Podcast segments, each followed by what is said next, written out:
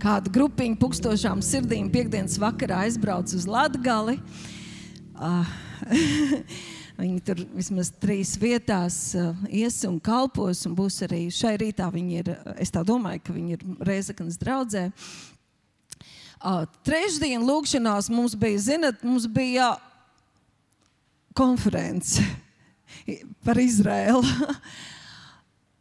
Ta, tas bija kaut kas skaists. Mēs uh, dziedājām šīs skaistās uh, ebreju dziesmas un lūdzām par Izraēlu. Bija tāds sajūta, ka mēs esam pieskārušies Dieva sirdī. Uh, turpmāk kādu laiku, ja svētais gars neliks ko mainīt, šīs trešdienas būs ar konkrētu mērķu. Viņas ik ik mēnesi atkārtosies. Un šī nākamā, tas nav domāts, ka tikai lūgs par kalpošanām, un tāpēc tikai kalpotāji uh, ir aicināti. Mēs nākam visi, mēs visi esam ieinteresēti lūgt par kalpotājiem, kalpošanām, viņu tuviniekiem. Mēs uh, izmantojam arī ekrānus, lai. lai skatītos, kā skatījāmies Izraels karti un Izraels valsts vīrus, par kuriem lūdzām, un uzreiz ir daudz vieglāk lūgt. Tā arī mēs skatīsimies vārdus un uzvārdus un sēņas arī no kalpošanām, kalpotājiem, ka, kam šobrīd ir aktuālāk, par ko mēs lūgsim. Lūgsim arī par citām vajadzībām. Uh, bet uh, šajā, šajā pēdējā laikā, kāds trīs dievkalpojums, mācītājs pieminēja un tā ļoti uh, stipri un praktiski parādīja šos Dieva dotos desmit baušļus, ko mēs saucam par tādu garīgo ētikas, morāles kodeksu, likumu kopumu, uz kā balstās viņi tā tādi uh, vaļi, uz kā balstās visas pasaules cilvēka attiecības ar Dievu un savstarpējās attiecības. Un ja vien, ja vien tautas to ievērot un, un mēs personīgi. Ah, Kaut kādā mērā debesu valstība jau būtu uz zemes. Viņas atspoguļo Dieva sirdi. un, un tādēļ uh, iesākumā, vārdu sākumā, es tikai gribētu man prasījās parādīt, kāda ir šie baušļi un mazliet ieskatīties uh, kalnu svētrunā. Šie baušļi ir, baušļi ir mūžīgi, viņiem ir nepārējoša vērtība. Viņi kā ir savienoti tik īsi, tikai desmit baušļi īsi, bet viņi ir pilnīgi, viņi ir pabeigti. Tur patiesībā nav nekāda trūkuma. Tur ir apvienots viss, kas nepieciešams, lai mēs dzīvotu, kā pēc tam Pēters saka, dzīvībā un dzīvības pārpilnībā. Viņi ir universāli, viņi ir piemēroti visiem laikiem, visām tautām, tautībām. Pirmkārt, dot ebreju tautai, lai saglabātu attiecības ar Dievu, bet viņi ir tāpat nepieciešami kristiešiem un visām citām tautām. Un viņi ir interesanti, ka viņi savstarpēji saistīti. Tu nevari pārkāpt vienu bauslu, nepārkāpjot vismaz vēl pāris, jo tas ir saistīts ar sirdi. No sirds rosās vai nu dzīvība, vai nāve. Uh, mācītājs pieminēja šo mūsu bauslību, un kādreiz varbūt arī to es gājis cauri un pētījis, un cik ļoti interesanti ir šie likumi un prasības, kas tika dotas caur mūzu. Mēs tur redzam cilvēkam svētību un aizsardzību, dievišķo gudrību, kā apsaimniekot zemi, kā saglabāt veselību, kā rīkoties slimību gadījumos. Un kādreiz mēs varbūt šķiram pār to otrā mūsu, piektā mūsu, nu, vai tur tikai kaut kas uzskaitīts, uzskaitīts. Bet tu padomā, ka tas bija laiks, kad Dievs caur šie, šo bauslību ienes kultūru, ienes tīrību, ienes estētiku, ienes mākslu, ienes attiecības, ienes savu dievišķo gudrību praktiskā sadzīvē. Pēc mirklīša es palasīšu pāris, bet tātad. Uh, Kopumā, eh, nu, kas ir izpētījuši, ka mūsu likumos ir 613 norādījumi, tas ir pilsoniskās krimināla tiesības un krimināla tiesības. Un, uh, no tiem ir 240 rīkojumi vai pavēles un 365 aizliegumi, lai pasargātu, lai svētītu. Un viņus var apvienoti piecās grupās, piecās kategorijās. Tie ir noziegumi un pārkāpumi, kas šodien ir mums krimināla likuma un administratīvie noteikumi. Tad ir sociālā dzīve, sabiedriskā sadzīve, ģimene, attiecības starp radiem, vesels, liels, plašs kopums. Un tad ir kalpošanas prasības, un mēs šodien varētu teikt, ka tā ir tā kultūras joma un labdarība sociālais darbs. Bet interesanti, ka jau vecajā derībā, atceramies, pēc tam jau piektajā mūsu grāmatā, jau Dievs visu šo bausļus, bausļus no šīm milzīgā skaita prasībām viņš sagrupē uz desmit pamatlikumiem un jau dod šo visaugstāko, vienīgo, svarīgāko - mīl to kungu no visas sirds. Un, uh, tieši lasot šos mūzus bauslības, šos noteikumus, mēs redzam, ko arī mūsu politiķi šad un tad uzsver, kad nav vēl pieņemti jauni likumi un jauni kaut kādi apakšpunkti, tad viņi saka, nu, likumam pastāv gars, nevajag tikai piekasīties pie, pie burta, ja? vajag, vajag ievērot likuma garu. Un jau tepat otrā mūzika tikai Viena tāda izvilkuma par vēršiem, lai jūs saprastu, tad sas, ka, kas tad bija tie pie aizliegumiem, un ieteikumiem un pavēlēm no tā kunga. Es izlasīšu tikai no 2. mūža 21. nodaļas, no 3, 3. līdz 36. pantam, un tur jau var redzēt, ka tas kungs jau ved tālāk. Ja jaunā derībā jau ir teikts, uh, it kā caur Jēzu no mums tiek pieprasīts vairāk, tāpēc ka mūsu sirdīs tas ir dots un izlietas, tad jau šeit tas kungs arī ne tikai ievēro likumu, bet kalpo ar sirdi. Paklausa sirdi, attiecies pret cilvēkiem ar sirdi. Nu, tad paklausies, te ir noteikumi par vēršiem, par lopiem.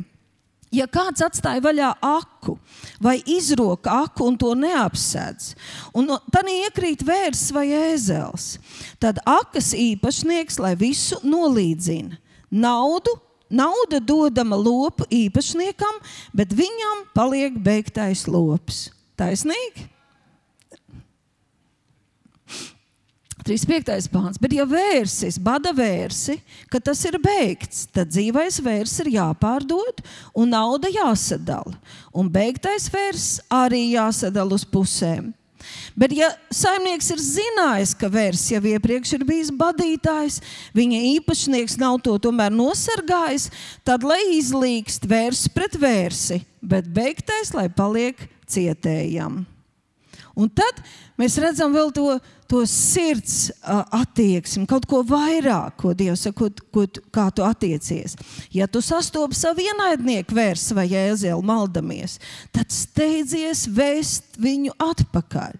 Ja tu redz savu ienaidnieku ēzeli guļam zem viņa nastas, neatstāj to, bet palīdz tam piecelties. Ja kāds nozog vērs vai jāvu un tad nokauj vai pārdod, tam būs atdot piecus vēršus par vērsi, bet četras avis par zaktu avi. Nu, apmēram tā, kad tu skaties, kā Dievs uh, caur mūzu, caur praviešiem mācīja tautai uh, šos te principus, sadzīves, kā risināt sadzīves jautājumus, uh, izglītot savu dvēseli. Uh, un tad paskatīsimies šos te, uh, desmit baušļus, un viņi tiešām ir sadalīti uh, piecos un piecos. Tie pirmie pieci attiecas tā kā pilnīgi attiecībās ar Dievu. Cilvēks, Dievs. Arī piektais godā savu tēvu un māti ir attiecināms pret attiecībām ar Dievu, jo Dievs ļoti stingri skatās uz mūsu attieksmi. Tā grāmata goda valva arī par to raksta mums attieksmi pret augstāko varu. Kad tā kā tu attiecies pret Dievu, tā kā tu attiecies pret vecākiem un citām autoritātēm, tā kā attieksme pret vecākiem, attieksme pret autoritātēm, Dievs to uztver, ka tā ir kā attieksme pret viņu. Un tā tad pavisam vienkārši. Kādi ir šie baušļi, uh, par ko iepriekšējās reizēs mēs runājām? Es esmu Dievs, tas kungs, tev nebūs citus dievus turēt manā priekšā. Tie pirmie, otrie, nu, ja tu skatīsies tur luterāņiem, katoļiem, pareizticīgiem, ebrejiem, viņi tā kā bišķiņi mainās, un tad kaut tur tas neiekāro apakš ir, ir, ir sadalīta garāka, bet skatīsimies viņš šādi, ja, tad neturi citus dievus manā priekšā, nepielūdz, nekalpo, neatdarini, uh, nedzenies pēc, pēc citiem dieviem, atzīsti mani, iepazīsti mani. Es esmu tavs dievs, es tevi esmu izvedis, no Ēģiptes. Otrais, nezemojies viņa priekšā, nekalpotiem. Pagriez muguru, pieder, pieder vienīgajam dievam. Trešais, tev nebūs tā kungs savu dievu vārdu nelietīgi valkāt. Cieni Dievu ar visu savu būtību, vērtē viņa vārdu, turi to par savas dzīves mērauklu, turi par pašu galveno uh, savā dzīvē. Neļauj nekādai citai cilvēciskai gudrībai uh, pacelties virs Dieva vārda, jo debesis un zeme zudīs, Dieva vārds paliks mūžīgi. Piemini sabatu dienu, kad tu to svētīji kas bija sabats. Tā bija tā cikls nedēļā, tagad vajag atpūsties. Ķermenim vajag atpūsties, dvēselē vajag atpūsties. Uh, Ebrejiem pat, ja mēs skatāmies, pat nebija noteikts obligāti, ka tajā dienā tev nepārtraukti jāgavē, jālasa Dieva vārds un, un jāpielūdz Dievs. Tev vienkārši vajag ritmu, tev vajag disciplīnu, tev vajag kārtību savā dzīvē. Mēs neesam ebreji lielākā daļa, es domāju, un neesam nedzīvojam zem bauslības. Tā, tev nav jāievēro obligāti šī sestdiena, un ir labi, ja tu nestrādā svētdien tādēļ, ka tā ir reize, kad draudzes sanāk kopā un pielūdz Dievu. Bet ir kaut kas, ko vienkārši ķermenis un dvēsele nespēja panest, un tad mēs nespējam būt tie, kas mēs esam un izdarīt to, kas mēs esam. Ja mums ir vienkārši tāds haoss dzīvē, ja nepārtraukts kaut kāds diennakts maiņas un negulēšanas, un nav laiks, ka mēs esam atpūtā, man tomēr gribētos teikt, ka tas ir tāds cikls, kad es disciplinēju sevi, kontrolēju, valdu par sevi, valdu par savu laiku. Ja? Es vērtēju tos Dieva likumus, Dieva kārtību, ko Viņš ir ielicis arī dabā un cilvēka ķermenī. Man ar to ir jārēķinās. Un pēdējais godina, ja, piektais godina savu tēvu un māti, lai tu ilgi dzīvo. Ievēro, respektē, cieni. Uh, uh, Mācīties attiekties tā kā pret Dievu, cieni vērtē savu, savus vecākus un, un, un citas varas. Un tad mēs redzam tās pārējās piecas, kas attiecas ļoti praktiski tieši uz mums. Tev nebūs nokaut. Tas ir dažādi, dažādi ar vārdiem, domām, darbiem, attieksmi. Jaunā derībā pat ar nopūtām. Ja? Mēs, mēs atņemam dzīvību, atņemam spēku sev, citiem. Tev nebūs to darīt. Arī aborti, arī tīri fiziski, protams. Tev nebūs laulība pārkāpt, derība laust, tas esi uzticams, tev nebūs zakt, tev nebūs melot, nepatiesa liecība dot arī tad, kad tev tas ir neizdevīgi. Paliec patiesa, godīgs, tev nebūs iekārot. Ir pavisam vienkārši, kā tas izskatās. Nenogalina, nelauz derību, nezodz, nemelo, nemelo neiekāro. Tas ir kaut kas no tās tumsas valstības, tas ir kaut kas no vecās dabas. Tas ir kaut kas tāds, kur patiesībā mūsu jaunajam radījumam nu, mums nav nekas ar to kopīgs. Mums pašiem tas pēc būtības nepatīk. Mums tās lietas nepatīk. Viņas atnes, atstāja nepatīkams mīlis mūsu pašu dvēselē. Mēs ie, iepiņķerējamies dubļos, netīrībā. Mums to negribas. Mums patīk caurspīdīgums, atklātība, skaidrība. Svētums, kas ir tīrība domās, dvēselē, dzīvē, darbos, ka mums nav nekas jāslēp. Jo mēs neesam nevienam neko parādā, kā vien mīlestību. Varam dzīvot patiesi un godīgi. Tad, ja es pārfrāzētu šos, šīs attiecības savstarpējās, kā attiekties pret sevi, pret dzīvi, nes dzīvību, vairot dzīvību, svētī, esi uzticams. Turi vārdu arī tad, kad tas tev ir neizdevīgi. Es vienmēr devējs. Svētīgi mums ir tik daudz ko dotāju, nav tikai nauda. Vienmēr es godīgs un patiess, vienmēr apmierināts, pateicīgs to, par to, kas tev ir. Kad tu neiekāros, tad, kad tu esi pateicīgs, priecīgs un kad tu priecājies par to, ka citi ir svētīti, neapskaut, negriez zobus. Tavs sirds lai gavilē, ka citam iet labi. Nedomā ļaunas domas. Tas ir no ēles. Ja? Es esmu priecīgs, pateicīgs par to, kas tev ir. Dievs tev varēs svētīt. uh, Vecajā derībā šos baušļus Dievs bija ierakstījis uh, ar savu roku uz akmens plāksnēm. Jaunajā derībā, kad mēs piedzimstam no augšas, Dieva likumi ir ierakstīti mūsu sirdīs. Un kad Jēzus nāca, viņš šos mūžīgos likumus nepārsvītroja. Viņš viņus piepildīja līdz pēdējai zīmītei, līdz pēdējai prasībai. Un, ja mēs lasām jauno derību, ja mēs lasām Mateja evanģēliju, ja mēs lasām Jēzus praktiskās norādes par sadzīvi mūsu ikdienā, mēs redzam, ka viņš sagaida no mums un prasa vēl vairāk. Viņš saka, ja tur nebija, nebūs pārkāpta laulība, tad te nebūs uzlūkot. Ja, ja tu uzlūko, tu jau esi pārkāpis. Kāpēc? Tāpēc, ka Dievs ir paredzējis, tāpēc, ka Viņš mums ir tik daudz devis, Viņš mums tāds ir radījis, Viņš mums to visu ir ielicis iekšā, kad mēs esam tie. Jaunā derībā mēs esam viņa mācekļi, kas šos viņa likumus piepilda un realizē šos garīgos likumus, šo garīgo ētiku un morāli. Mēs viņu kā zemes sāls, mēs viņu izdzīvojam, mēs viņu demonstrējam, mēs viņu saglabājam pasaulē pasaulē rādot līdz jēzus atnākšanai. Un visas šīs prasības, visus šos likumus Dievs apvienoja vienā. Tev būs, visus tos daudzos tev nebūs, nedari tā. Viņš apvienoja vienā. Tev būs, vai no brīnišķīgi? Tev būs mīlēt, tev būs kalpot, tev būs piederēt un to viņš ir ielicis mūsos ar svēto garu. Man gribētos šodien kliegt. Mums ir tik daudz dots, man ir tik daudz dots. Es varu, man ir.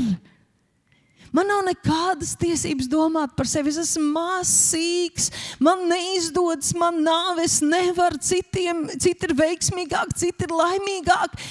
Man tas ir dots. Un tad Mateja Mateja 5. nodaļā, manuprāt, ir tā kalna svētruna. Jā, Mateja 5. nodaļā no, tre, no 3. panta. Tur ir it kā līdzīgi. Mēs varētu viņus saukt par jaunās derības baušļiem, bet tā ir tāda garīgā sirds ētika, sirds likumi. Ja? Un viņi visi sākās svētīts jauno tulkojumu. Es skatījos, jaunā Bībelīte, kas mums ir izdota, viņai tiek lietots šis vārds laimīgs. Ja? Laimīgs, kas apzinās savu atkarību no Dieva. Uh, šis vārds svētīts. Pirms mēs paskatāmies šos kristīgās sirds ētikas pamatelements no Kalnu svētrunas. Pastīsimies, ko nozīmē paplašinātajā tulkojumā, ko nozīmē šis vārds svētīts. Tas tiešām nozīmē, ka tāds cilvēks būs laimīgs, kas dzīvos pēc šiem sirds likumiem, kas tos ievēros. Viņš nevis zods, sakots, centīsies izpildīt predabiskus, sev svešus likumus, sāpīgi savai, savai dzīvei bet viņš būs svētīts, viņš būs laimīgs. Viņš būs tā, ka tu no malas skaties uz viņu dzīvi, viņš ir apskaužams. Dēļ laimes, kas ir kā sekas viņa piedzīvojumam ar Dievu. Viņš ir apveltīts ar dzīves prieku, apmierināts Dieva labvēlībā un glābšanā, neatkarīgi no ārējiem apstākļiem. Tāpēc, ka tas ir cilvēks, kurš pāri visam ievēro svarīgāko lielo bauslu un pavēli mīlēt to kungu, no visas sirds piederēt viņam, kalpot viņam, uzticēt visu savu dzīvi viņam. Nu, paskatīsimies šo šo kalnu svētku un mājās palas iedziļinies. Es varētu pavadīt dienas jums sludinot par šo tēmu, tāpēc, ka ir bijuši laiki, es esmu ņēmusi daudz laika un studējusi šos desmit baušļus. Vienlaikus man gribējās izdot bukletu, šos desmit baušļus un šo kalnu svētku. Es domāju, ja, ja viņi ir tik svarīgi, tad tur ir noslēpums man. Tur ir eh, tas brīnums, tā zelta atslēdziņa, man viņa ir jāatrod, man viņa ir jāatrok. Man viņa jāapstāsta, ko tas nozīmē man, 21. gadsimta cilvēkam, Latvijā, manā ikdienā, ko tas nozīmē priekš manis. Kā es praktiski to varu lietot, ko tas man palīdz. Un esmu studējis, un zem katra šī vārda tur varētu būt vesela gara nodaļa. Dari to, studē, saproti. Bet viens, ko tu vari pieņemt, tu teikt, man tas ir, es tāds esmu. Mans jaunais cilvēks tāds ir. Pēc mirkļa paskaidrošu, ko nozīmē gara nabaga. Par to garā nabaga, par to bieži vien uh, nu, neticīgie izsmēja visvairāk, jo domā, ka tie ir tādi, nu, kam maz prātīgi, kam maz sajēgs, bet nu, kopā izlasām. Svētīgi, un tad, tad atceries, laimīgi, apskaužam dēļ laimes, ir garā nabaga. Tie, kuri apzinās savu pilnīgo atkarību no Dieva. Svētīgi tie, kam bēdz, svētīgi lēnprātīgie, tas ir neatlaidīgie, izturīgie, kas ar izturību un neatlaidību saņem piedzīvo apsolījumus. Svētīgi izsalkušie un izslāpušie pēc taisnības, svētīgi žēlsirdīgie, svētīgi sirds šķīstie, kam tīra skaidra sirds. Svētīgi tie cilvēki, kas nes mieru, šalom, tas ir Dieva labklājība, Dieva uzvara katrā dzīves sfērā. Tu nekad nenāc nolādēt, tu nekad neatnes cilvēku dzīvēs bailes, tu nekad neatnes melu, sajukumu. Tu nes evaņģēlīju, tu nes mieru, tu nes salīdzināšanu, tu nes dziedināšanu, tu nes atbrīvošanu, tu nes glābšanu. Svētīgs tu esi, svētīgi taisnības dēļ vajātie. Un pastamies tikai pirmo ja, no maniem izrakstiņiem ārā - svētīgs garā nabags. Svētīgs es esmu jo es apzinos savu pilnīgo atkarību no Dieva. Man ir nepārtraukta vajadzība, nepārtraukts slāpes, iepazīt savu kungu vairāk un vairāk, piederēt viņam, mīlēt viņu, kalpot viņam. Lūk, es esmu svētīgs, svētīgi garā nabaga. Svētīgi tie, kam bēdas, interesanti, kad tur šī te, da, tuliņ, tuliņ, tuliņ, jā, atradīsim. Uh, Mēs varētu domāt, bēdas. Tātad es dzīvoju nepareizi, es grēkoju, man ir tur nepatikšanas, es esmu svētīts. Bet tas vārds oriģinālā ir tieši uh, uh, izmantots tas pats, ko kad Jēzus saka, kamēr līgavains ir pie jums, jūs taču nebēdājieties. Kamēr līgavains ir pie jums, jūs svinat, jūs, bet tad, kad līgavains jums tiks atņemts, tad jums būs bēdas. Tad jūs gavēsiet un bēdāsieties. Ja, šādas bēdas. Un tad kāds no skaidrojumiem saka, jūs esat svētīti, kad jūtaties tā, it kā būtu pazaudējuši savu visdārgāko. Tikai tad jūs varat tikt savu visdārgākā apgāmti. Tad tie cilvēki, kuriem kungs ir dārgāks par visām pasaules bagātībām, un viņa griba Viņa griba, viņas sirds plāni ir svarīgi par manām pašām, manas pašas lietām, vajadzībām un plāniem. Nu, es neskatīšos tālāk, bet vēl pieminot šos te šos astoņus, ko Dievs saka, kur ir svētīti, te ir tā otrā astīte, svētīgi garā nabaga, jo tiem, un tas apsolījums, ko mēs iegūstam. Un es izvilku ārā tikai to aprakstiņu, kas tad piederēs, ko tad iegūst cilvēks, kurš, kurš ļaujas tai, tai savai sirdī dzīvo pēc Dieva sirds. Ievēro, tādiem pieder debesu valstība. Viņi tiks iepriecināti, pats Dievs viņus iepriecinās. Tas nozīmē aps, atrisinātas, uzklausītas lūkšanu vajadzības, tas, pēc kā mēs ilgojamies, ko esam prasījuši. Viņi iemantos zemi, iemantos apsolījumus ar savu pacietību, neatlaidību. Viņi tiks paēdināti, viņi dabūs žēlastību, jo viņi parāda žēlastību. Viņi redzēs Dievu, Dievs viņiem atklāsies, viņi piedzīvos viņa klātbūtni. Viņi tiks saukt, par viņiem tiks dot liecība, ka viņi tiešām ir Dieva bērni. Un apstāties astotais atkal kā nobeidzās. Viņiem pieder debesu valstība. Mēs katrā no tām mīļie, ja mēs mīlam Dievu un cienam Dieva vārdu, mēs varam iet un pētīt pēc savas sirds būtības, pēc savu brīžu, kur šobrīd atrodamies. Nu, kas man to vajag? Ka, ko tas nozīmē praktiski? Ja? Vai, vai es šauju garām, vai es domāju, ka tas ir kaut kas, kas man nav vajadzīgs, vai es saku, jā Man ir tāda sirds, es ilgojos pēc tevis, un man pieder visi šie apsolījumi. Viņa, tās ir praktiskas lietas. Dieva līdzdalība, Dieva klātesamība, Dieva palīdzība jau tagad mūsu ikdienā. Nobeidzot šo tēmu, es par sevi apliecinu, man pieder debesu valstība. Es tieku ap, iepriecināta, es mantoju zemi, tātad man, manā dzīvē piepildās apsolījumi. Viss mans vajadzības tiek apmierināts, es saņemu žēlastību. Tas ir daudz vairāk nekā es pats varu. Ja? Es redzu Dievu, baudu viņa klātbūtni. Man dzīve liecina, ka es esmu Dieva bērns un man pieder debesu valstība. Saka, man pieder debesu valstība. Wow, cik tu izskaties neticami bagāts! Tu sēdi šeit ar taisnu muguru un paceltu galvu, tik skaists, gudrs un bagāts, jo tev jau pieder debesu valstība. Pats tas kungs tev paēdina, pats tas kungs tev parāda žēlastību, tevi iepriecina. Tu iemanto zemes, un tu tiec saukts par Dievu bērnu. Tev pieder debesu valstība. Halleluja! Slavu Jēzum! Un tas viss ir ierakstīts mūsu sirdīs. Tas mums ir dots. Tas, tā mēs to ievērojam, viņš darbojas automātiski. Mēs sakām, svētīts, svētīts, atnāk spēks, atnāk gudrība, atnāk padoms. Bet tāpēc ir tik bezgalīgi svarīgi, ja, ar ko mēs sevi identificējam. Kā mēs sevi redzam? Vai mēs vēl joprojām dzīvojam no tās vecās pagātnes, nu, kas es esmu, nu, kāds es esmu, nu, ko es varu. Ko es varu savā dzīvē panākt? Kā es sevi redzu? Tādu mazu pelēku vistiņu, tādu, kas tikai cīnās ar dzīves grūtībām. Un kā tas iet kopā, kā tas disonē ar to dieva aicinājumu, to dieva sapni?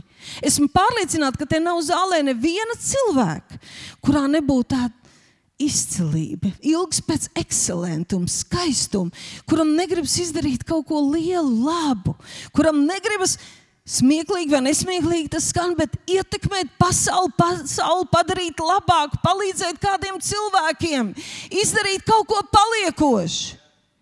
Vai tu esi šeit, tu esi tāds?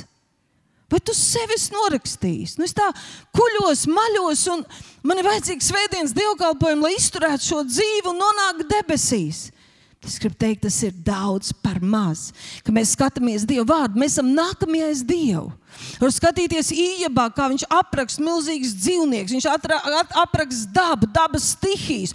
Tomēr cilvēks tika radīts tikai mazliet zemāks par Dievu, Dievam līdzīgs. Un Jēzus pēc tam jaunā derībā saka, izlaiž savu garu, esot caur svēto garu mūsos. Viņš saka, tāds kāds es esmu, tādi jūs esat šī pasaulē.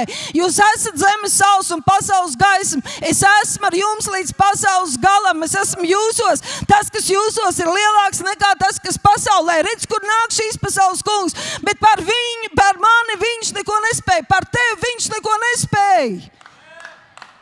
Jo tu esi atpirkts, nomazgāts. Un pats tas kungs ir mūsos. Tā kā jāsaprot, tev ir, jā, ir dzīve, jā, ir apstākļi, ir, ir, ir valsts, kurā mēs dzīvojam, un mums ir jācīnās, un mums nav milzīgas algas, un tā tālāk, un tā tālāk. Bet ir mūsos dieva aicinājums, dieva sapņu un jautājums, cik daudz no mums to realizēs? Cik daudz mēs to realizēsim? Un tad ir jautājums, vai es tiešām pieņemu visu ko, to, ko Dievs ir izdarījis manā dzīvē, vai es tiešām to visu pieņemu, vai es tiešām to visu lietoju, ko Jēzus ir dāvinājis manā dzīvē. Jo atklāsim par to, kas un kāds es tagad esmu Kristū, izmaina arī to, kā es dzīvoju un ko es daru. Un manu identitāti, manu es nenosaka tas, ko es šobrīd daru, kāda ir mana izglītība. Manu identitāti nosaka, kas es esmu. Un jo mainās mana identitāte, kas es esmu, kāds es esmu, ko es varu, jo mainīsies rītie darbi, ko es darīšu. Jo atcerieties, Alans Plats teica, ka identitāte nosaka rīcību. Mainoties identitātei, mainās rīcība. Nevis tas, ko es daru, ko es spēju, o, oh, es uzlikšu uzplecīšu. Es kaut ko paveicu, tad man ir uzplecīts, bet iekšā ir čūšs. Bet kas mēs esam? Ko viņš ir izdarījis manā dzīvē? Vai es to pieņemu, vai es to lietoju? Vai man vienkārši tas liekas tik pārdabisks, tik garīgs, tik tāls, tik neiespējams? Mana, mana mazā pelēkā dzīve, ar ko man ir jātiek galā. Bet tur var dzīvot karalis. Tajā mazajā pelēkajā dzīvē dzīvo Dieva bērns. Viņš var nodzīvot skaistu un spilgtu dzīvi. Tas nenozīmē uzreiz braukt ar Ferrari un nenormālu naudu pelnīt. Tas nozīmē dzīvot saskaņā ar savu sirdi. Un ar pilnu pārliecību, ka es esmu īpašs, es esmu svarīgs, es esmu Dieva bērns. Un es izdaru to kāpēc es esmu uz šīs zemes. Tās ilgas, tas ērglis, kas ir mūsos, viņš lido. Tie sapņi, ka tie tiek piepildīti. Saka, sapņiem jāpiepildās! Maniem sapņiem jāpiepildās! Sapņiem, kas ir saskaņā ar Dievu gribu, viņiem ir jāpiepildās!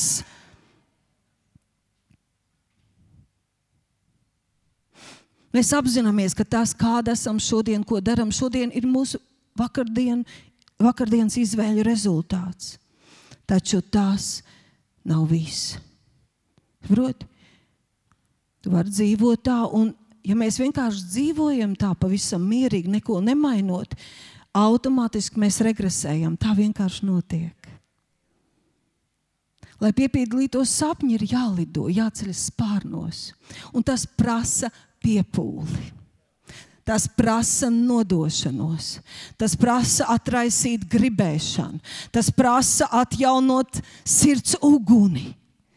Tas kaut ko prasa, tas prasa manu atsaucību Dievam. Tas prasa šo pirmā baušļa ievērošanu. Un pa, padomā, cik, cik šis pirmais bauslis attiecības ar to kungu kā viņš man palīdz visā manā dzīvē pēc tam. Tikai piemērs. Ja es mīlēšu Dievu, es automātiski ienīstu grēku. Ja es kalpoju Dievam, es esmu brīvs no kalpošanas alkiem. Ja esmu atkarīgs no Dieva, tas atbrīvo mani no atkarības no cilvēkiem un lietām. Ja es bīstos Dievu, es nebaidīšos vairs no cilvēkiem un, un citiem spēkiem. Ja es pieķeros Dievam, es automātiski atlaižu tās lietas, kas grib kontrolēt, valdīt pār manu, manu pazudināt. Ja es sekoju Dievam, es esmu automātiski pagriezis muguru lietām, kam man nevajadzētu sekot. Ja es paļaujos uz Dievu, man ir drošība, vara valdīt un rīkoties. Ja es paklausu Dievam, es jau automātiski nepaklausu vēlnam. Cik pirmais bauslis ir pilnīgs, glābjošs. Ja es esmu laimīgs Dievā, es esmu laimīgs ar sevi, es varu. Ir tāds teiciens, laimīgi cilvēki grib darīt arī citus cilvēkus laimīgus. Halleluja! Bet, zinot, mēs nu, dzīvojam laikā tik ļoti liberālā un jūtīgā. No vienas puses, paldies Dievam, bet no otras, bērnam atzīmes vairs nevar likt. Kad es šķības vītriņu uzvilku, teikt, to nedrīkst. Mēs no bērnības tā kā ar tādām jēlām, olām neizdevās, nesanāca. Padevies, ir labi ir labi malacītis. Nepielika pūles, nogulēja, darīja citas lietas, iztērēja, pazaudēja, nesasniedz, padevies, nodevi, uzdevi, nenodevies. Nekas var iztikt. Ir labi. Malacīts. Un tad Dāvidam bija tā svētra, un Dievs mūs mīl. Bet vai Dievam tas patīk? Vai Dievam patīk, ka mēs pēc nākam pie viņa pēc 5, 10, 20, 25 gadiem? Kāds esmu tāds, es atnāku uz saviem spēkiem, neceru. Jā, padzied. Ak, svētī man nabagu, mani nabagu. Lūdzos, dārgais tēvs. Tāda mums bija kopdziesmas. Mums liekas, cik mēs esam patiesi un godīgi. Kāds esmu tāds, es atnāku pēc gada, pēc pieciem, pēc desmit. Ak, svētī mani, dārgais tēvs! Viņš mīl, bet viņam nepatīk. Un tad ir tas piemērs par tiem talantiem, kas nama saimnieks kungs izdala desmit, pieci un vienu talantu. Un tad viņš atgriežas, un ko viņš prasa apakaļ? Augļus. Viņš prasa, ka tas ir lietots, kas ir dots, ka tas ir pavairots. Un es atceros pats savu svētdienu pirms gada tajā konferencē. Es iedziļinājos pat priekš sevis tajā vārdā. Ko nozīmē, kāds tas bija milzīgs summas. Un ka šie divi bija pavairojuši šīs milzīgās summas, viņi bija ieguldījuši. Tas izmainīja visu dzīvi, atņēma laiku, domas. Tas prasīja pilnīgu nodošanos, tas prasīja nenormālu spēku, gudrību, domāšanu un darbību. Un kad saimnieks nāca, Viņa atdeva, un viņš saņēma uzslavu, godīgais un uzticamais. Tu biji godīgs, godīgs, tu lietoji to, kas tev ir, un tu biji uzticams.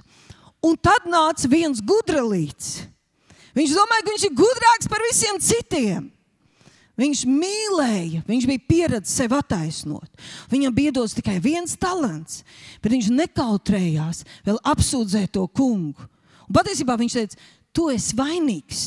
Es no tevis baidījos, jo tu esi dusmīgs, un tāpēc es to nelietoju. Ņem apakaļ. Un mēs zinām, viņš tiek izsviests ārā. Ja mūsu dārzā augtu ābeli, kas aizņem vietu zemē un gadu pēc gada nedot augļus, ko tu ar to darītu? Izsviest ārā un iestādīt citu. Tā kā saproti, nevaram mēs nākt gads pēc gada kāds esmu, tāds es atnāku. Mums ir pārāk daudz dots. Pasties, pat dabā dzīvība ir kaut kas brīnumains, dieva dzīvība. Viss vairojās. Visu laiku pavairojas. Pat tu no, vari nogriezt gandrīz koku līdz saknei, un tur nāks ārā jauns dzirums, jauna atvese. Ah, kādreiz tur redz uz klintīm zied ziedu pļāva upe atrod jaunu izteci un, un veido jaunu gultni. Uzvar vesels klintis, izurbina caurumu un aiziet plūsma.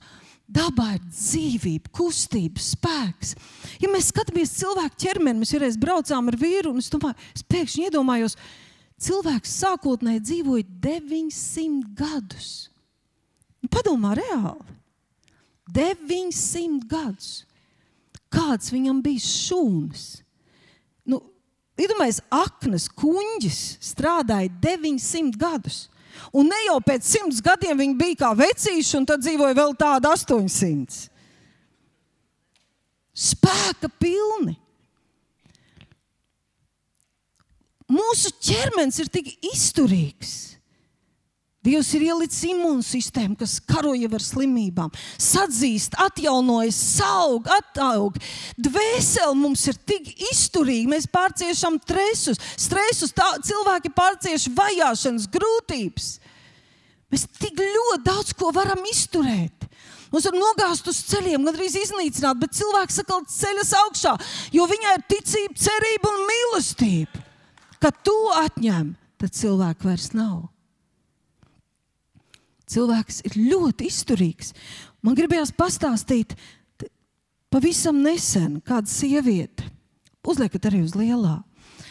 Uzvārds, es īsti nezinu, kā viņu izrunā, Diana Nuert. Noert, Amerikas uh, peldētāji. Viņa pati ir nu, imigranti ar, ar vecākiem, tāpēc tas vārds nav tāds amerikānisks. Šai sievietei bija sapnis. Bērnībā viņa ar mammu gāja gar, gar uh, Floridā gar piekrasti. Un man bija šad un tad par, rādījusi tur pāri uz kubu. Un teikusi, tā kuba izskatās tik tuvu, ka viņai varētu pārpeldēt. Tā mazā meitenīte gājusi pie rokas, viņa nav kristiete. Ir bezgalīgi daudz šādu stāstu, bet tas ir viens no, no pēdējiem ļoti iedvesmojošiem video, kur viņa kāp ārā no ūdens. Uh, salīkusi, un vēl kādu laiku cilvēki viņai nedrīkst pieskarties, jo viņai konkrēti ir jāaiziet krastā, kur sagaidītāji ir, kur viņa sagaidīja. Ah, viņai bija šis sapnis, un viņa sāka trenēties peldēšanā. Viņš šim sapnim gatavojās 30 gadus. Un viņai tas neizdevās, kad bija 20, viņai tas neizdevās, kad bija 30, viņai tas neizdevās, kad bija 40. Viņa neatlaidās. Un viņi to izdarīja 64 gadu vecumā. Viņi pārpeldēja šo te, uh, Floridas šaurumu, jā, no Kubas līdz, līdz tam Floridas līcim. Uh, nopeldēja uh, 55 stundas. Tas ir uh, divi ar pus diennakti. Un tas trakākais nav tas distances garums, bet nenormāls dzēlīgs medūzas briesmas, uh, tās nepārtraukt mainīgās uh, ledaugstās traumas. Un tad par viņu ir teikts, Piķa melnā tumsā, medūza sadzelt, neskaitāms reizes aizrījusies ar sālsūdeni, iekšēji dziedot, piedzīvojot halucinācijas. Diana turpināja peldēt, līdz sasniedz mērķi. Kad viņa bija, viņai bija pateikts no, no laivas, vai kaut kad palikuši vēl tikai 12 stundas, viņa ir sākusi dziedāt. jo tas viņai jau vairs licies nekas. Es atceros, kā, kad mēs sākām taisīt draugu žurnālu, prieku vēstos pirmos žurnālus, kad Sjelgavā strādāju. Tas arī bija mans rekords. Trīs diennakts neatejot no datora, aizskrējot uz toaletu un pa, pa, uzēdot, neguļot. Un tā kā man uh, tas vadītājs izlaida pie mājām, man bija tāds gabaliņš jāiet vēl. Tur bija papīra kurģi. Un visu laiku man, man tas mērķis, tas prieks, ka mēs to darām. Viņš vienkārši man bija pārņēmis, tā kā man izlaiž. Es sapratu, glāzi, glābiet man, nesiet mani. Man kaut kā ir jānokļūst mājās. Šī sieviete to izdarīja fiziski, pārciešot sāpes. Atceros, kādreiz bija intervija no cilvēkiem, no šiem cirka akrobātiem. Viņa teica, mums nepārtraukti jāsaskarās bailēm un sāpēm. Ar bailēm un sāpēm. Un kā mēs to uzvaram, deksme par mērķi. 64 gadu vecumā viņa sasniedz. Tad šis austrālietis, Nikijs Vujčs, pavisam īsi vienkārši atcerieties, ir daudz šādu stāstu. Viņa sieviete tagad gaida vīnīšu uz četri bērni drīz, 15 gadu vecumā. Viņš piedzīvoja Jēzu. Un viņš saprata, ka viņš dzīvos kvalitatīvu dzīvi. Dzīvos dzīvi, ko Dievs viņam ir dāvinājis, ar tik plašu krūti, cik vien, iespēj, cik vien ir iespējams. Viņš mācīsies, viņš studēs, viņš apprecēsies un viņš kalpos. Un viņš brauc pa visu pasauli, sludina un motivē cilvēkus, izmanto tos resursus, ko Dievs ir devis. Vairs varbūt nevar teikt par Steviju Vonderu, ka viņš ir tāds ļoti degošs kristietis, bet mēs nezinām, kāda informācija atnāk līdz mums. Taču viņš arī jau bērnībā kļuva pilnīgi akls, amerikāņu dziedātājs, multi-instrumentālists, ierakstu producents. Mums patīk droši vien arī viņa mūzika. 11 gadu vecumā viņš parakstīja līgumu ar ierakstu kompāniju, kurā darbojas vēl šobrīd. 30 viņa dziesmas iekļuvuši ASV top pirmajā desmitniekā, saņēmis 22 Grammy balvas, zelta balvas un daudzas citas. Kas par viņu ir īpašs? Viņš nekad lielu uzmanību nesot pievērsis savam aklumam. Viņš saka, es nekad neesmu domājis par savu aklumu kā trūkumu. Es esmu tas, kas es esmu. Es mīlu sevi un nedomāju egoistiski. Es vienkārši esmu laimīgs, ka Dievs ļauj man lietot to, kas man dots, un dāvināt to citiem. Un kā kāds žurnālists viņam jautāja, vai viņš ir ģēnijs, Stīvijs atbild: Es tikai esmu svētīts ar idejām, un man bija prāts neskatīties uz saviem trūkumiem, bet realizēt to, realizēt to ko Dievs man devis. Un tad viņš saka, ģēnijs ir Dievs manī.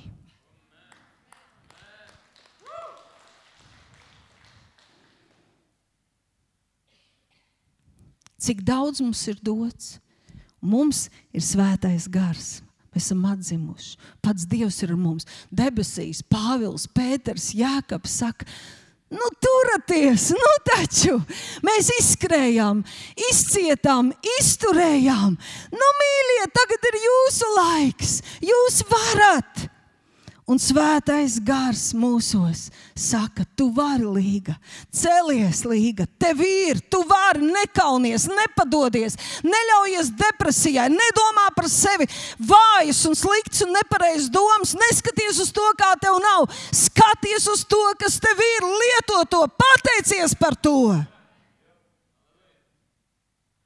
Mēs nedrīkstam nākt pie Jēzus. Kāds esmu tāds, es atnāku uz saviem spēkiem. Nece. Ļoti bibliski pareizi.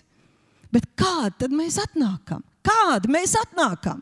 Sevi sagrāvuši, sevi nonicinājuši, sevi nolikuši, sevi norakstījuši, sevi pārsvītrojuši. Taču mēs ignorējam visu to, ko Dievs mums ir devis. Visu to, par ko viņš tik dārgi ir samaksājis, ņemat, lietojiet, tas ir jūsu, viss ir jūsu. Mēs varam, mēs varam izturēt grūtības, tikai nežēlo sevi. Nežēlo sevi. Ja tu nežēlo sevi, Dievs tev palutinās debesīs, arī šeit uz zemes. Nežēlo tu sevi. Cik es to neesmu mācījusies? O, citiem ir tas, un citi var atļauties to, vēl, ka bērni bija maziņi. Viņi tur brauc un labi ēdienu un vitamīns, un mēs tikai rukājam bez atvaļinājumiem tā tālāk. Tad pienāk brīdis, Dievs saka, nu tagad ņemat atpūšaties. Tas tur, wow, wow, wow, wow! Un tagad es jūs svētīju, un tagad es jums parūpēju, un, reku, un, tad, un, un šito es jums dodu, un šito. Dievs nepaliek parādā ne šeit, ne. Tu gribi, lai, lai tur tu saņem, lai tur viņš tev pažēlo, lai tur tu vari atpūsties un izbaudīt. Nežēlo sevi. Tu vari ļoti daudz. Un Dievs tevi iepriecinās, paēdinās, atmaksās. Svētais gars mums dod liecību, ka mums ir, ka mēs varam. Un mīļie, nav pareizi. Mums ne vien, ne, sevi ne ar vienu nav jāsa, jāsalīdzina. Ja es dziedu vai rakstu dzēju vai kaut ko daru, ka tā kā tas, un ja es nevaru tā kā tas, tad es nedarīšu. Bet nepareizi, nepareizi meldoma ir tāda, ka tie, kas dara, ka tiem paveicās, ka tie piedzim laimes krekliņā ka tiem trāpījās, un tam sportistam, kas iemeta to bumbu, tam viņš no, nu, treneris iedeva to īsto laimes bumbu. Un tas mirklis, kad hokeja trāpīja vārtos, nu, bija, kur nu tev bija, šito vairs neizlaid, šito vairs. Viņa kā viņi lauž un met, lauž un met. Viņi trenējas treniņos.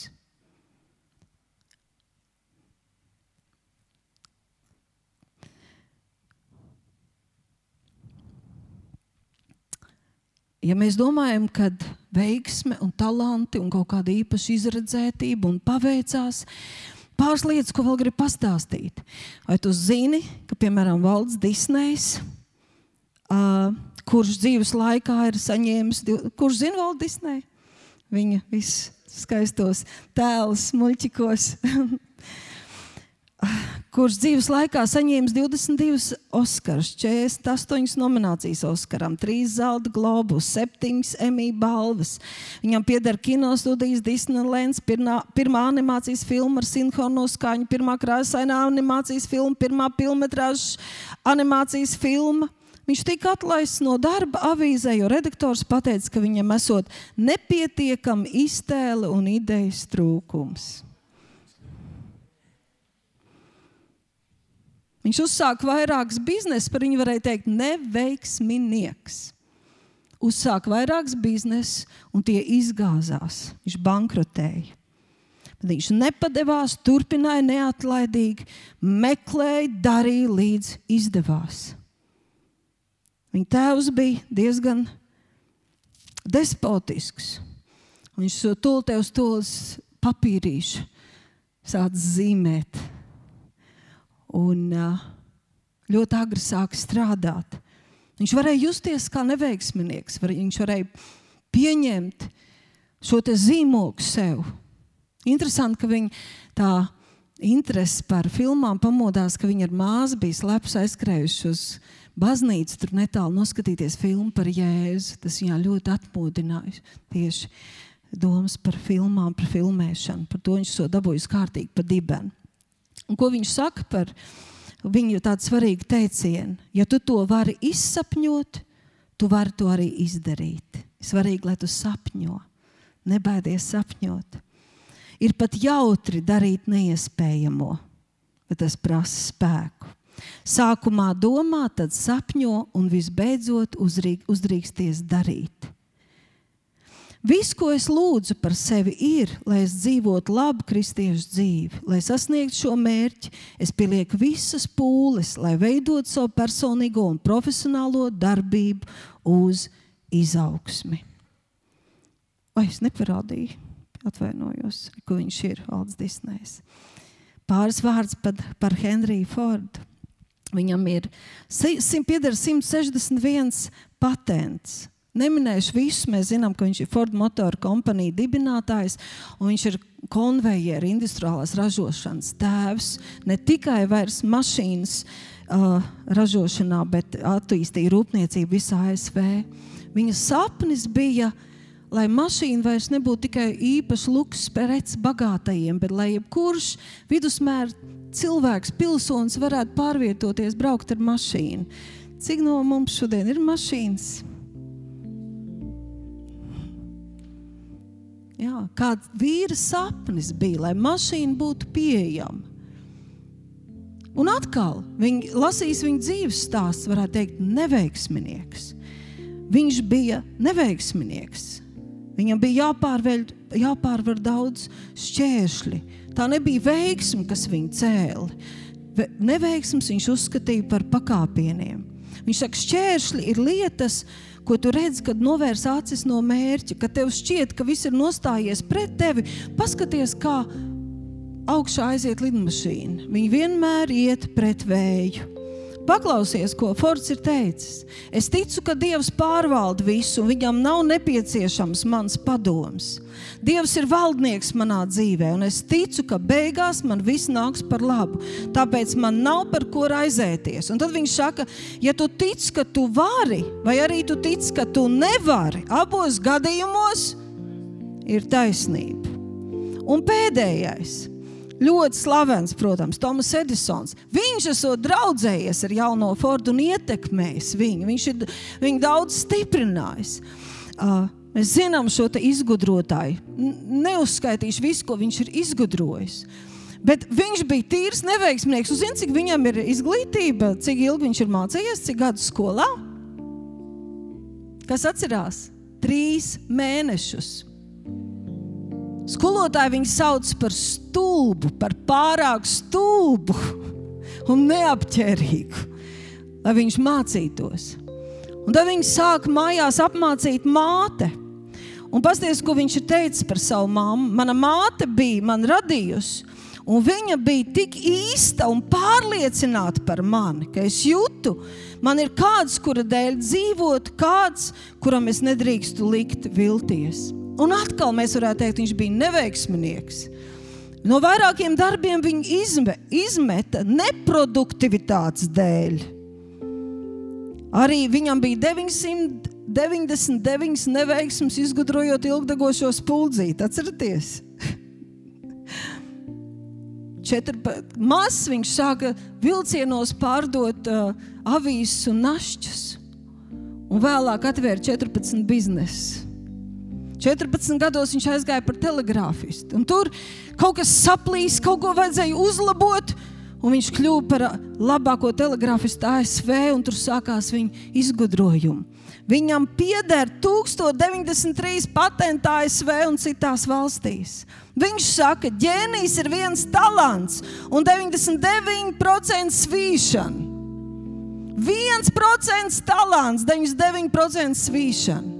Viņš bija tas, kas arī attīstīja komandas darbu. Tā bija viņa ideja. Ne jau viņš viens svīda. Jūs zināt, es domāju, mums izskaidrot līdz tūkstošiem jau prasa laiku. Bet tie bija 999 izmēģinājumi, kas ņēma laiku, spēku un gribēja likt vilties un visu pārsvītrot. Bet viņš nepadevās. Un viņš, te, viņš saka, mūsu lielākais vājums slēpjas tajā, ka mēs viegli padodamies. Visticamākais veids, kā sasniegt, ir vienmēr mēģināt vēlreiz. Es nekad neesmu izgāzies, es tikai atradu desmit tūkstošu veidus, kas nestrādā. Daudz ir padevušies un apstājas pie neveiksmēm, neapzinoties, cik tuvu viņi ir bijuši panākumiem. Viljams Fedlers saka, panākumi nāk tad, kad tu neap, neatkāpies, kaut arī citi ir padevušies. Dari to, kas tev jādara, dari, turpini darīt, rīkojies pareizi, rīkojies pareizi, turpini darīt, un būs uzvara. Bieži mēs padodamies, ka uzvara ir tepat. Tad labs teiciens, cilvēks, kurš nekad nekļūdās, noteikti ir bezgalīgi pārguls, pārgurs no nekā nedarīšanas. Mīļie, kāpēc es dievkalpojumā runāju par šo tēmu un šādiem cilvēkiem? Tāpēc, ka man liekas, ka mēs, kristieši, vai vismaz kļūstot par kristiešiem, kaut kā ļoti ātri padodamies Lai gan atklāsmes grāmatā pilns ir, ka tie, kas uzvar, tie iemantos.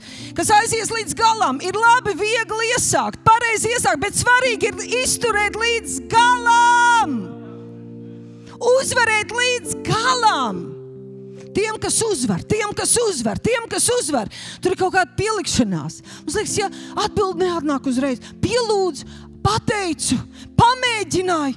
Gribēju sakārtot savu lūgšanas dzīvi, gribēju sakārtot savu personību, gribēju sakārtot savas attiecības, gribēju izmainīt savu ieradumu.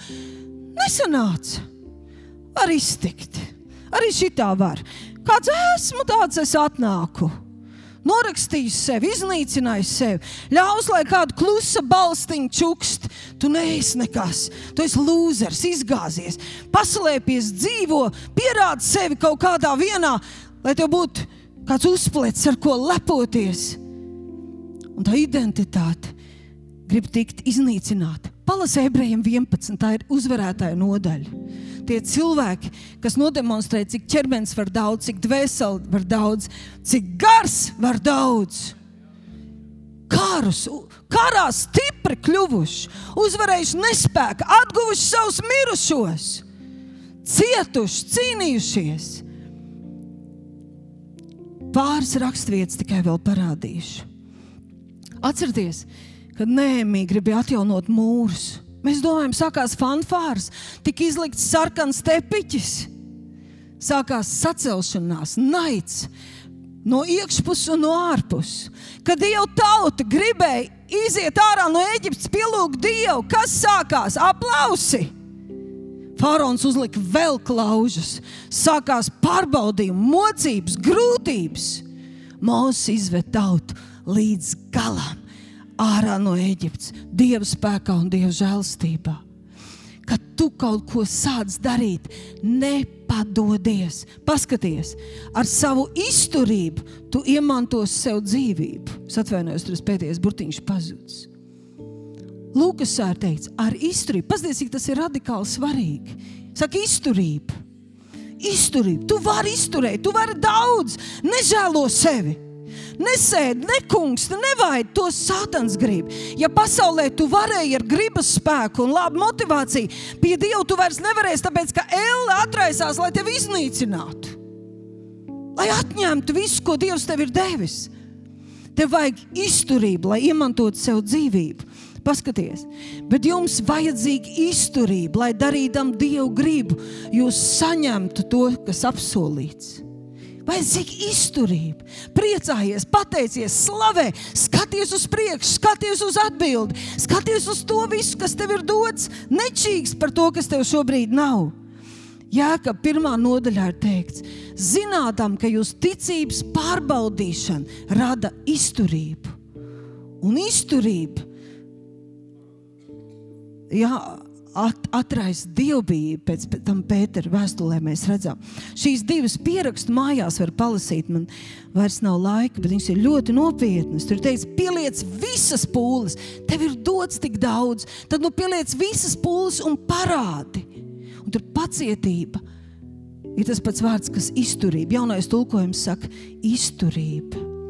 Un man kaut kādā mērā ir biedējoši, ja mēs uzšķirt atklāsmes grāmatas 14. nodaļu. Tur ir teikts par zvēru zīmi, par pēdējiem notikumiem. Un tad ir vajadz, rakstīts šeit, vajadzīga svēto izturība, kas tur dieva vārdu un Jēzus liecību. Tātad izturība ir kaut kas tāds, kas man ir kardināli vajadzīgs. Es nevaru būt gļēva, mīksta. Es nevaru visu laiku sevi žēlot. Es nevaru viegli un ātri padoties. Man vienkārši, lai es nokļūtu debesīs, man būs vajadzīga izturība. Tāpēc Pēters saka, katru reizi, kad jums ir kāda grūtība, pārbaudījuma, kārdinājuma, uztur, uztverat tos ar prieku, kā iespēju trenēt izturību. Jo tas ir tas ceļš, kā es kļūstu stiprāks dievam, dievā un kā es parādu dievbijību. At, ko man darīt? Lai tu mainītos, lai es mainītos. Es, man ir divi ienaidnieki, uz ko es nedrīkst paļauties. Uz savām sajūtām un veco miesu, veco miesu prātu. Es nedrīkstu ar to rēķināties. E, man ir tas jāignorē. Man ir jāignorē, kā es jūtos. Man ir jāignorē, ko manai miesai gribas. Ja es klausīšu to, kā es jūtos, es nekad neizdarīšu to, ko es gribu. Ja es pie Dieva gaidīšu sajūtas, lai tās man palīdzētu darīt, es nekad neaiziešu tur, kur man jābūt. Es nekad neizdarīšu to, kas man jādara. Jo mīlestība ir rīcība, paklausībā. Ignorē sajūtas. Tu neesi sajūta vergs. Tu esi šeit. Ignorē sajūtas, neklausi vecajai miesai, bet pieņem patiesību. Pieņem visu to garīgo arsenālu, lieto visu to garīgo arsenālu, ko Dievs tev ir devis. Ej pie tēva, pieņem spēku, pateicies par to, kas tev ir dots runā par sevi saskaņā ar Dieva vārdu. Mīļais, ir jāapliecina. Visas šīs lietas, ko mēs skatījāmies, par baušļiem, par, par kalnu svētru un par visu, ko Dievs ir devis, tas sāk darboties tad, kad es runāju savai dzīvei. Tā mana vecā balstiņa, demoniskā pasaule nepārtraukti tev čukst klusāk vai skaļāk. Tu nevari, tu neesi nekas. Tu esi slikts, tu esi izgāzies, tev neizdosies, nemaz nesāc. Tāda ir tava pieredze. Nomierinies, nelecies, nesapņo. Un svētais gars saka, celies augšā, lido. Bet kā tu to iedarbini?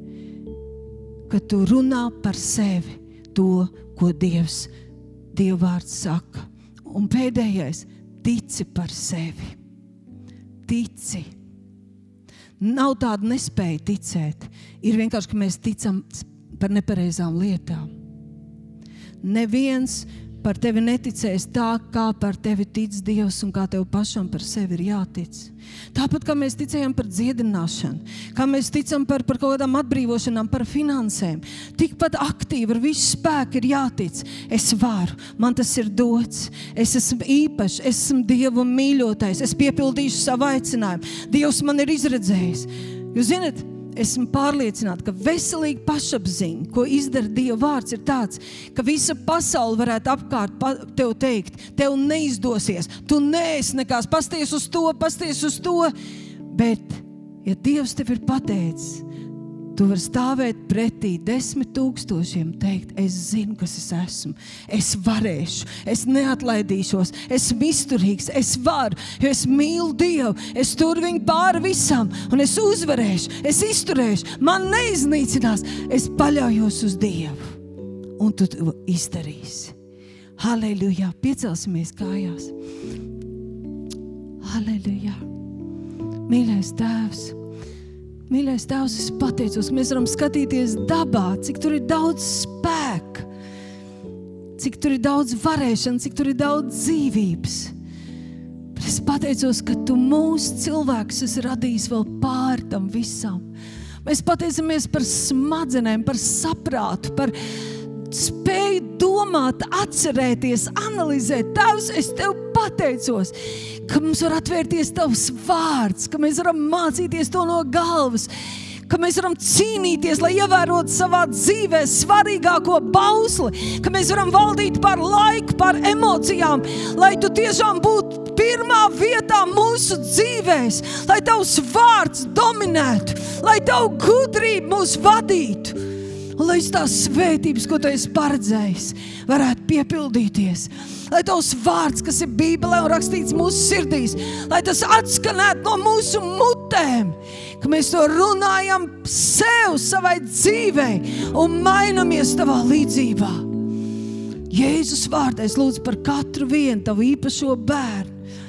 Es lūdzu par tiem, kas ir guvuši kaut kādas demoniskas triecienu traumas, kurš ir vēlējies iznīcināt viņu personību. Es lūdzu par tiem, kas ir kaut kāda iemesla dēļ, varbūt dzīvo ar tādu sliktu, nespēcīgu skatu par sevi, sev, sevis nicināšanu, sevis noliekšanu. Es pateicos, Tēvs, ka tu caur mīļo svēto garu cēlu, restaurē, sadziedē un atjauno, piepildi un dod mums šo pareizo dzīvības redzējumu par sevi, par to, kāda mēs esam tevī. Tēvs, kas spoguļojoties tevī un tavā vārdā, mēs topam pārvērst tavā līdzībā. Jēzus vārdā. Halleluja! Halleluja! Es lūdzu, lai viens no mums apzinās un pieņem to spēku pārpilnību, to potenciālu, to varēšanu, to enerģiju, prieku, mīlestību, pacietību, izturību, lēnprātību, žēlsirdību, ticības spēku, kas ir ikvienā no mums. Halleluja! Mēs varam sapņot tavus sapņus, saņemt tavus plānus un maksāt cenu, lai realizētu. Halleluja!